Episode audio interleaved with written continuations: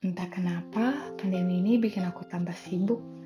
Kerjaan tambah banyak, tugas juga semakin banyak. Sibuk banget sana-sini. Padahal, aku kira dengan aktivitas serba online ini, waktuku dengan Tuhan bisa lebih banyak. Eh, justru malah kebalik. Lukas pasal 10 ayat 42 berkata, Tetapi hanya satu saja yang perlu. Maria telah memilih bagian yang terbaik yang tidak akan diambil daripadanya.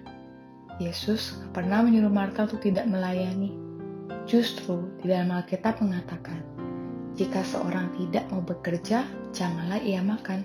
Dalam 2 Tesalonika pasal 3 10. Yesus juga nggak meminta Marta untuk setengah melayani dan setengah mendengarkan dia. Dia tidak pernah berkata bahwa banyak perkara yang Marta sibuk kerjakan adalah salah tetapi Yesus memperingatkan Marta, banyak perkara itu jangan sampai meresahkan dan mengganggu dia. Apa yang Yesus inginkan adalah supaya Marta mengikuti teladan saudaranya Maria, memiliki persekutuan di dalam batinnya sekalipun sedang sibuk sekali melayani.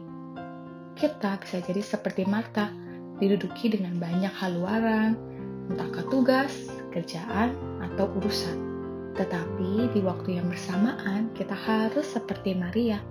Di dalam batin kita bersekutu dengan Tuhan.